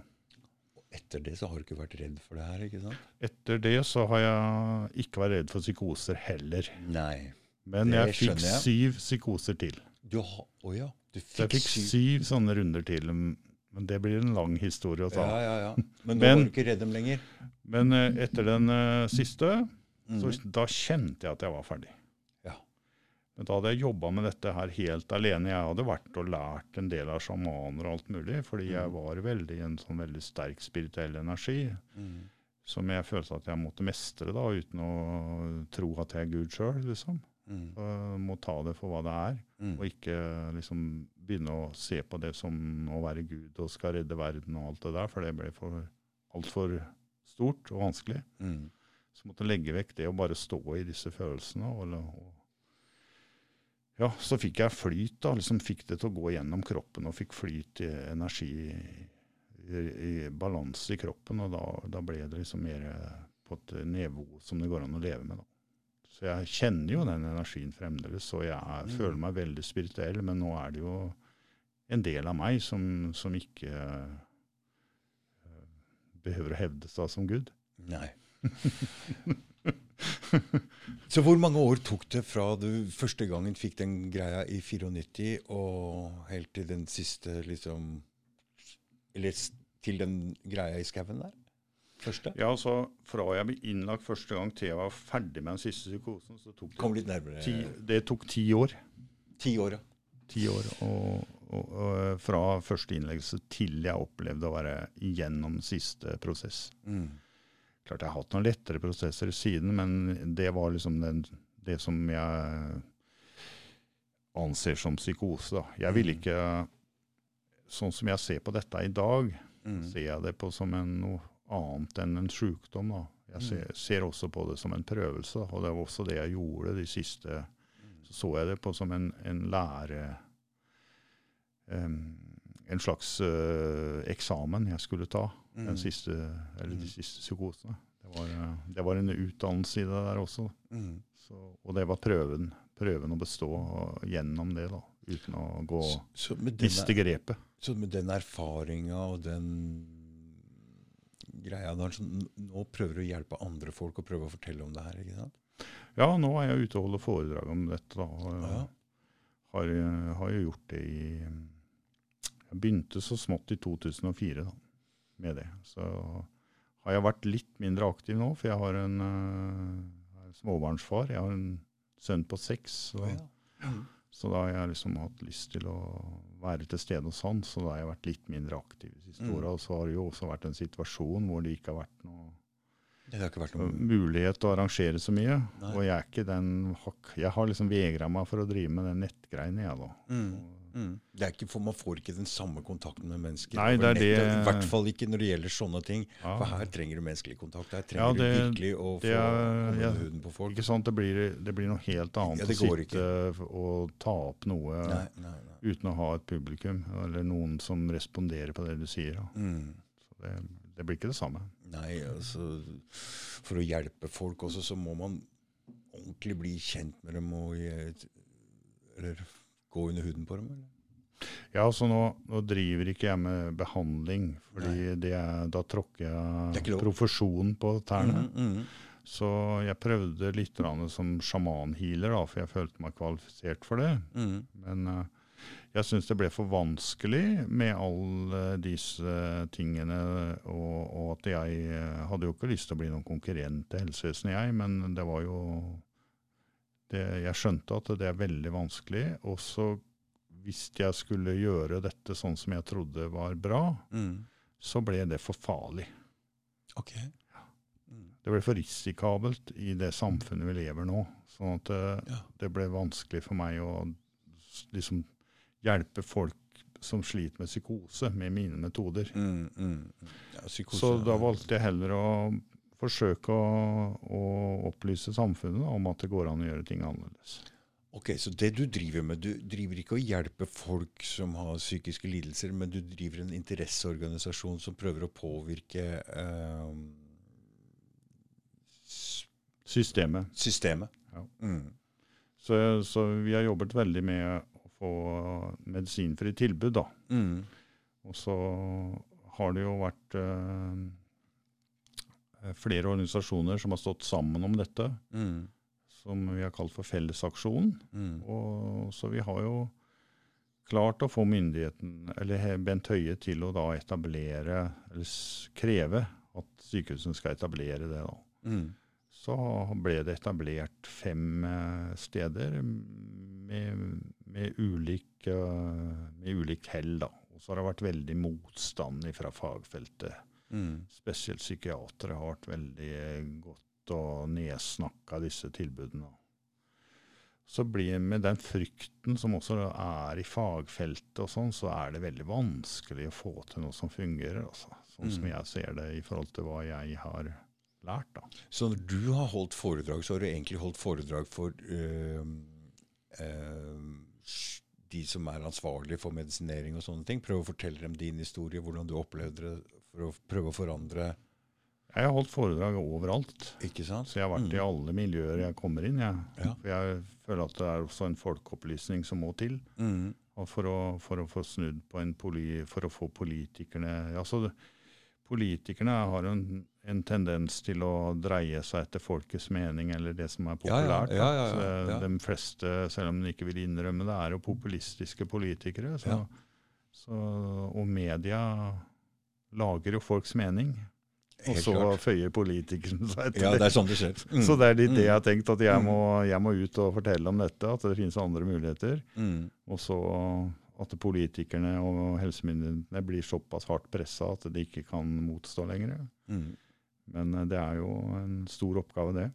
Så jeg føler at uh, vi er da, den oppgaven har, er jeg på langt nær ferdig med. Nei, for det, jeg leste noe interessant i Aftenposten her for et halvt år siden. Fjern diagnoser og gjør folk friskere. Mm. Fordi selv om du får en diagnose, så går det jo an å, å bli bedre av det. Og det er sikkert ok å, når du er i en sterk psykose og medisinerer deg litt ned så du kommer ned på jorda igjen, men, men også fortsette med disse sterke medisinene der det, Her må du hele tida gjøre en ny vurdering, ny vurdering, og de må være Ja. mye mer eh, smidige når det gjelder å vurdere Abs- folk opp igjen hele Ja, absolutt. Og så er det hvor, hvor, når er det man kommer i, får eh, begynt å hjelpe folk? ikke sant? Hvis jeg hadde hatt noen som kunne veileda meg tidlig Ja. i 1994, Mm. så hadde jeg kanskje aldri havna der jeg havna liksom so far out. da. Mm. Så da kunne jeg rodd i land med hjelp av noen som på en måte kunne se på dette på en annen måte og si ifra til meg at du, Ja. hvis du går for langt i den tankeretningen der, så kommer du til å gå på trynet. ikke sant? Du Mm. må jobbe med din egen frykt osv. Jeg hadde jo ikke peiling på noe som helst. Men nå har du peiling, og det som er, er at når det gjelder rus og en del andre ting, så har vi nå noe som heter erfaringskonsulenter, Ja, ja. som kommer inn og hjelper folk. Det burde jo vært i psykisk helse òg. Jo, det- men det er jo litt av det, men de får jo ikke lov til å Det er jo psykiateren som skal bestemme. De har Mm. jo ikke noen innflytelse på behandlingen. Nei. I noen nevneverdig grad. Det kan jo variere litt, da. Mm. Men rus har det jo vært eh, dette lenge i, på disse private institusjonene og disse Hva heter det Non-profit-organisasjonene Mm, som mm. har holdt på. De har Mm. jo hatt eh, med de som har kommet seg ut av problemene, hjelper andre. Ja. Det er egentlig sånn det burde vært på psykisk helse, tror jeg, hele veien. Ikke sant? Men det er jo en her har vi jo også en profesjonskamp. Som kjemper imot det, ikke sant? Ja, og så Mm, har vi, mm, mm. har vi en industri som, som tjener grove penger på disse medikamentene, som også presser på. Ja. Mm. Og de bruker ikke akkurat milde metoder. Det er det mest utspekulerte jeg noen gang har gjennomskua. Ja. Eller metodene til legemiddelindustrien. ja. Jeg har ikke sett på maken til, eh, til grådighet Mm. og til eh, og måte å overkjøre folk på, Mm. som de, de, de driver med. ja Det er helt grusomt. Og nå har jeg gått inn i det. og sett hva slags metoder de bruker for å selge disse jævla medikamentene sine. Mm. Det kan, um, altså, um, han som var leder for Cochrane tidligere, da, Hva er det for? Peter Götze, som er leder for Cochrane, det er et uavhengig forskningsorgan i, i, som hadde sete i København. Mm. Og, og de, de har da gått gjennom en del av forskningen til legemiddelsindustrien og plukka veldig mye av det fra hverandre. Og kritiserte, og Peter Götze var veldig hardt ute mm, mot dette. Og han eh, er jo ikke motstander av medisiner 100 han heller. Men han sier at 2% av det forbruket som vi har, hadde vært eh, riktig. Mm. Men det, det, de skal ha monopol. De skal undertrykke alle behandlings, andre behandlingsmetoder, for de skal ha på De gir seg ikke. De får aldri solgt nok. De får aldri liksom eh, jobba nok med å få større markeder. De, skal, de gir seg ikke. Mm. Og de, de, er, de er verre enn den verste mafiaen du kan tenke deg i metodebruk. Det, nå har vi jo hatt inn leger her, og da prater vi også om om hvordan de, Mm. hvordan de selger disse, hva, hva de metodene de bruker, manipulasjon og alt det de bruker for å, for å få større markeder, det er så kynisk og så utspekulert at det, det er ikke til å tru. Mm. Altså, Så nå, Vi har jo prata om leger og legemiddelindustrien, men psykiatrikere og den psykisk helsebiten er eh, enda verre? ja, altså, Psykiaterne er jo fanga i legemiddelindustrien sitt narrativ. Ja. Fullstendig. De, de, de ønsker sikkert å gjøre en god jobb, Mm. men de er jo rett og slett jeg, jeg, jeg, For å være helt ærlig, så syns jeg de er veldig vranglærte. Mm. Og de, og de er lært opp av industripropaganda fra A til Å. Mm. Det er dem som lærer dem opp. De lærer bare Ja, altså, det, universitetene er jo infiltrert av dette, den, eh, denne læra. og det er liksom, de, de forsker mye, ikke sant? men de, når det gjelder forskning mm. Si da at eh, det er ti, ti detaljer, eller hva skal vi kalle det, ti, ti ting du må måle for å få et godt eller? resultat. Mm, mm. resultat. Så Mm. må du ta hensyn til ti ting, bare for å ta et tall. Ja. Så velger, og, og, men når du bare velger fire eller fem av de tingene som uh, ville gitt et uh, godt resultat, Mm.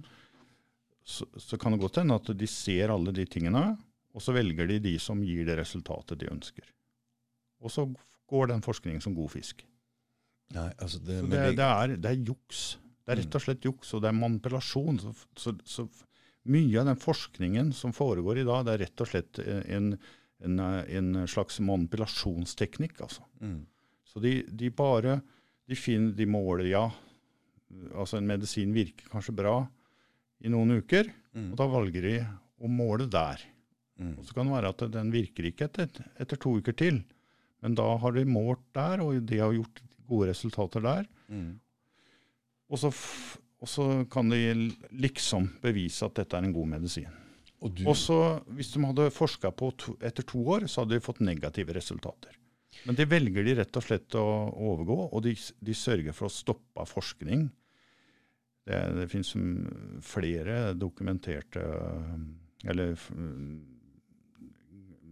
god dokumentasjon på at de, de har stoppa forskning som ville, ville gi, vist et annet resultat mm. enn det som selger deres medisin. Det er ganske nådeløst når vi tenker om at det er det, er, menneskeskjebner det, her. er, ikke det, er, det, er, det er svindel av verste sort. Mm.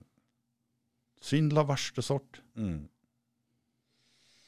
Ja, det Og det, går, og, det, og det går utover det Svakeste folka. altså, det- Ja, og, det, og, folk får uh, ikke riktig behandling, og, de, og levealderen synker. Og sånn som uh, folk som har schizofrenidiagnose og, og manisk depressiv lidelse, de, de, de har eh, sånn ca. 25 år lavere levealder enn resten av befolkningen. Og den har til og med sunket etter at de slutta med lobotomi og begynte med medikamenter. Du, eh, hva slags diagnose var det du fikk når du var sånn som det? Hva er det det heter for noe? Ja, altså, Jeg fikk ikke noe eh, tydelig diagnose de første Nei. gangene. Nei. Det var jo De mente jo jeg var psykotisk, men de visste liksom ikke om det skulle gi meg manisk depressiv lidelse eller eh, schizofreni. Eh, Mm, det heter jo bipolar lidelse i dag, da. Så det er bare en sånn greie de må ha Så, sånn så, så, så fikk jeg da først uh, schizoaffektiv lidelse, da. Og det skulle være en mellomting mellom, man- mellom um, bipolar, som det heter i dag, og, okay. og, og, og schizofreni. da. mm. Og etterpå så står det i journalen min flere steder at, jeg, at jeg har en kjent schizofreni, og det blir brukt som et argument for å kunne ta tvangmedisinere meg. Mm. Så jeg har sikkert da, hatt alle symptomene som kvalifiserer for en sånn diagnose. Mm. Så, så jeg har vært i en sånn tilstand. Mm. Men det som er et faktum, er at den tilstanden den varer ikke livet ut. Nei. Men uh, når du medisinerer den, så stopp, så det er akkurat som du Du Det er stopper akkurat som du fryser utviklingen, Ja, så du, står, mm. du blir aldri ferdig med det når du medisinerer. Og det var Mm. helt umulig for meg å jobbe med meg sjøl når jeg gikk på Mm, medisiner. mm. Jeg måtte slutte for å klare å gjøre det jeg har gjort. Dette her ser jeg jo nå, for jeg har jo Så de jo fryser hele tilstanden. Mm, Og så ja. demper de jo en del symptomer, selvfølgelig, men det, de helbreder jo ingenting. Du kommer ikke gjennom det. Og du får eh, alvorlige bivirkninger, som også veldig mange går opp i vekt, og får hjerteinfarkt og diabetes. Og, død, Mm. og sånn at det har, De langtidsbivirkningene er jo disse lidelsene. Og, og når du Mm. ikke orker noe, når du ikke har drive, så, så slutter du å trene. Du slutter å være fysisk aktiv. Mm. Veldig mange får trang til å røke og ruse seg. Sånn at, eh, og alt dette her eh, forringer jo livsregnen og livshelsa. Klart. Jeg ser jo Men så, nei da, vi kan ikke skylde på medisinen, skjønner du. Du kan ikke skylde på medisin. Det er ikke det som gjør at folk lever kortere. Nei, det, det, det går ikke an å si, da. Og det vrir de seg unna hele tiden. Men det er jo helt åpenbart at den, den tilstanden jeg kom i når jeg var på medisiner, mm. den jo den da, da, da ryker helsa jævlig fort. Mm. Det er noe jeg skulle si, fordi jeg har jo Altså den eh, resten av helsa, for å si det sånn. Altså den fysiske helsa også. Og så dør du av hjerteinfarkt eh, lenge før. Fordi du Av mange årsaker. Så, og vi vet jo ikke sikkert hva, hva som er hele årsaken. Men det som også er skremmende, er at uh, veldig mange som dør uh, av medisinering, overmedisinering og sånn, de, de kommer i dødsregisteret med dødsårsak ukjent. Mm. Så man, tar ikke, man, man underrapporterer, og man velger å se bort fra dødsårsaker og, og bivirkninger for medisiner. Det, det, det er så underrapportert og så undervurdert at det er ikke til å tro.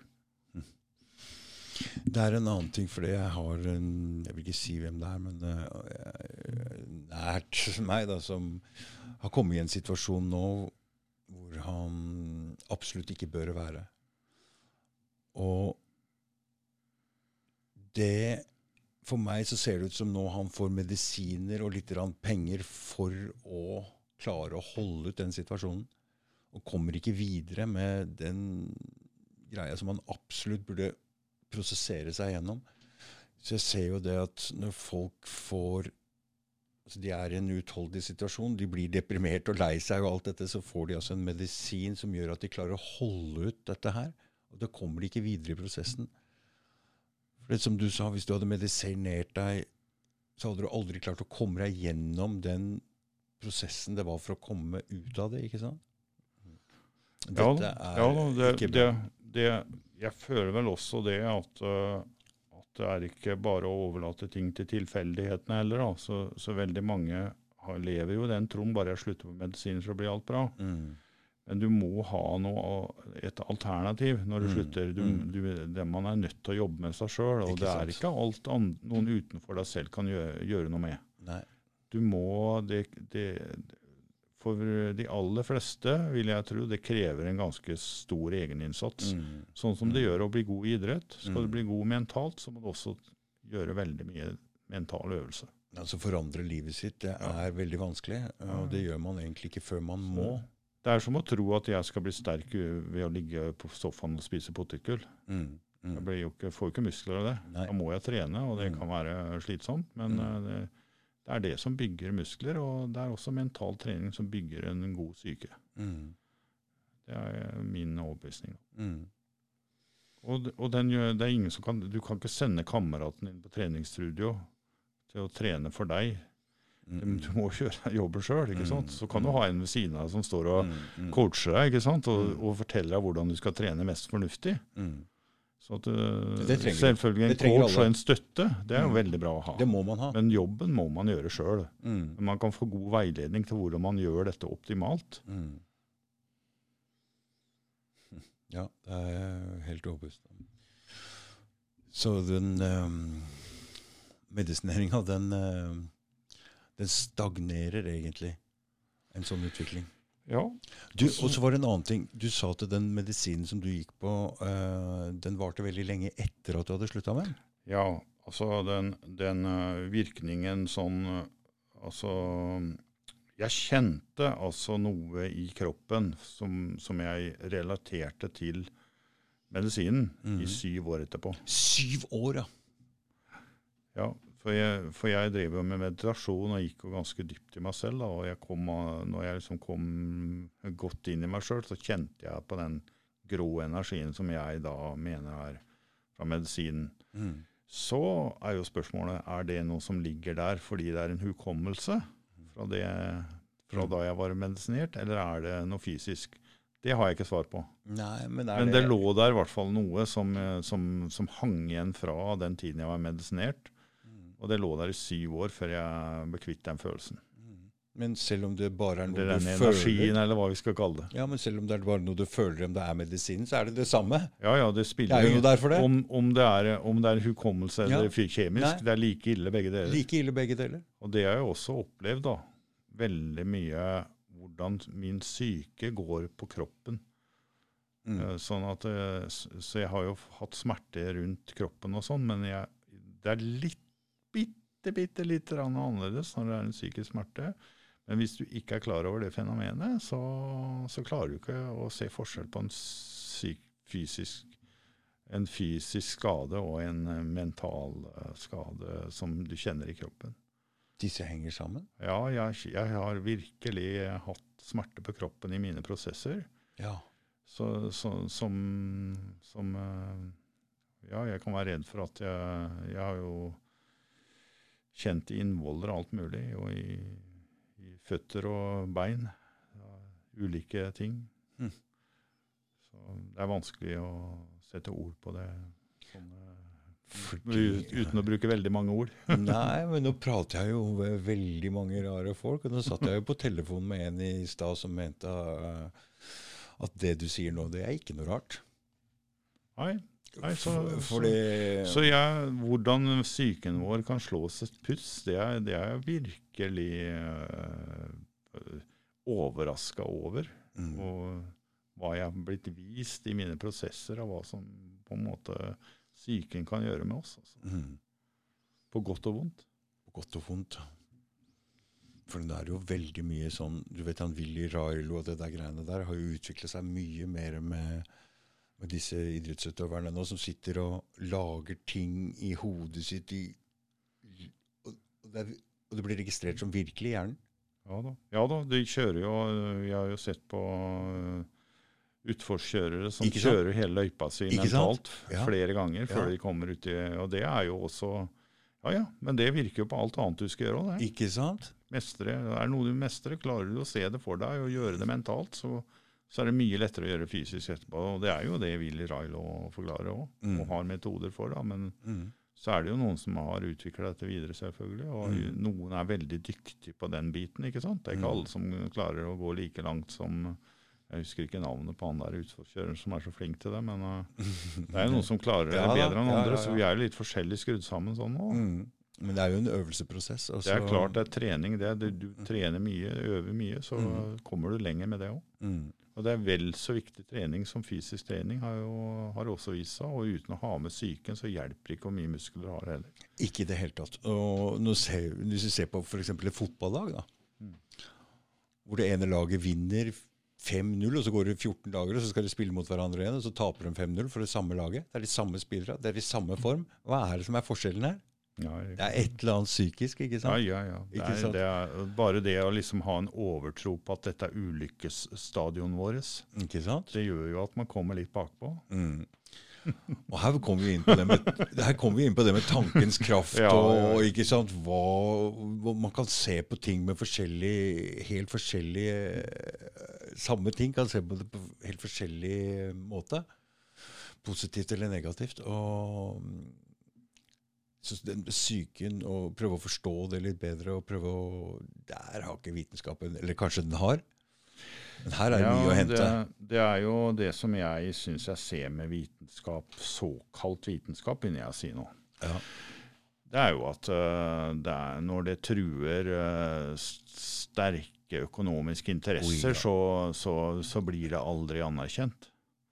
Jeg har lest veldig Jeg har sett veldig mye vitenskap jeg har lest mye vitenskap, for jeg er interessert i det. Så jeg mm. har, uh, også leser jeg ikke bare det som er liksom vedtatt uh, og godkjent. Jeg leser også teoriene til de som uh, ikke har fått anerkjennelse. Mm. Men jeg føler at veldig veldig mange av de som ikke har blitt anerkjent, de har, de har skjønt noe. altså. De har skjønt noe. Ja, Så, Rupert Sheldrake, f.eks., mm. biologen med, med morfisk resonans og morfiske felt. Der, den der gir meg veldig Det passer så veldig inn i det jeg har opplevd. At det, det, det føler jeg er veldig riktig. Men så fort han kom inn i, i det åndelige, og han har jo også dokumentert og gjort forsøk som beviser det, så til de grader, men det blir ikke anerkjent. Av en eller annen grunn Verden som, er eh, klar for en forandring? Eh, Jan ja, så vi, jeg føler at det er ikke kunnskap som mangler. Det er noen som holder, undertrykker den kunnskapen som hadde løfta verden på et nytt nivå. Mm. Vi har alt vi trenger, mm. men det er eh, noe riktig galt med makta i verden. Noe riktig, riktig galt med hvordan, makt, hvordan verden styres av de som har makt, for å si det på den måten. Det er jo akkurat mye av det den podkasten her handler litt om. At uh, vi trenger et skifte i verden. Og verden er i veldig forandring nå. Det skjer ting inni oss, det skjer ting ute i verden. Det er store forandringer på gang. Og det er vel kanskje det du merker også, at det er noe greier på gang nå? Ja, så det skjer jo noe.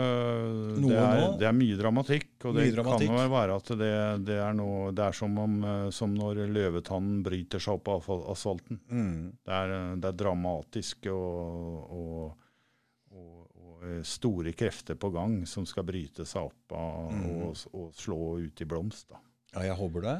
Og, den eh, motstanden Kanskje man trenger den motstanden for å, for å, på en måte kunne komme ut i, i det, i, på et nytt nivå? Det gjør man. Man trenger den motstanden for å, for å grave i dritten og få noe nytt. Så jeg tror det kommer til å bli kanskje enda mer kaotisk eh, en stund, og så, eh, så går det den riktige veien. Ja, Det håper jeg òg. Men uh, når man ser liksom, i det perspektivet, så er det vanskelig å vite mm. kort tid. Om, er det 100 år, eller ja, er det fem år? Liksom? Nei, nei. Så det er vanskelig å forstå. da. Mm. Men menneskeheten skal mot et bedre sted, et annet sted enn det der i dag. Det, altså, det som det er nå, er håpløst på alle kanter. Ja, det? Den, den, den, gamle måten å styre verden på, den, er, den, den begynner å bli moden for uh, den, den blir gjennomskua så til de grader nå. For den er at, profittdrevet av noen som aksjer, bla, bla, bla, som driver og presser på en ledelse for å få best mulig profitt inni legemiddelskapet, som egentlig skal være til for å hjelpe folk. Ja. Altså, Det er helt vilt. Nei, jeg, jeg, har skjønt det fordi jeg har sett så mye, jeg har lest så mye som jeg syns henger på grep. Mm. Hvorfor i all verden blir ikke dette brukt, og hvorfor i all verden eh, kommer vi ikke videre når, vi har så, når det er så mange mennesker som har Mm. kunnskap Mm. om hvordan vi kan løse veldig vanvittige problemer, eller det som har blitt gjort til vanvittige problemer som Mm. ikke hadde behøvd å være det. Mm. Men, eh, men jeg har, jeg har virk... For jeg, jeg har, jeg har eh, For jeg syns dette her henger Når det kommer til psykisk helse, da, så det, det, Hvorfor i all verden er det sånn? Mm. Vi vet jo bedre enn dette. Er det ikke mulig å få til noe, gjøre noe annet? Mm. Så, så da har jeg skjønt at det handler om makt. Det er eh, sterke krefter som ikke ønsker at eh, vi skal komme videre. De, de ønsker bare å gjøre oss mer og mer avhengig av alt mulig rart som de tjener penger på. Mm. Og de gir seg ikke. De, de får aldri nok, virker det som, da, de som driver dette konseptet på alle områder. Jeg er helt enig med deg. Eh, har du noe Jeg tenkte, har du noe å si som du ikke har fått sagt? Nei, jeg tror, jeg, jeg tror dette her er egentlig denne episoden. Så får du heller du kan invitere meg en annen gang. Så jeg har, jeg har jo mye annet jeg kan snakke om òg. Ja, ja, ja, ja. Og den oppfinnelsen, den, skal vi ta litt om her. Og, og Magnus for jeg høre om Det spørs, det det spørs så farlig det er å ta den fram, da.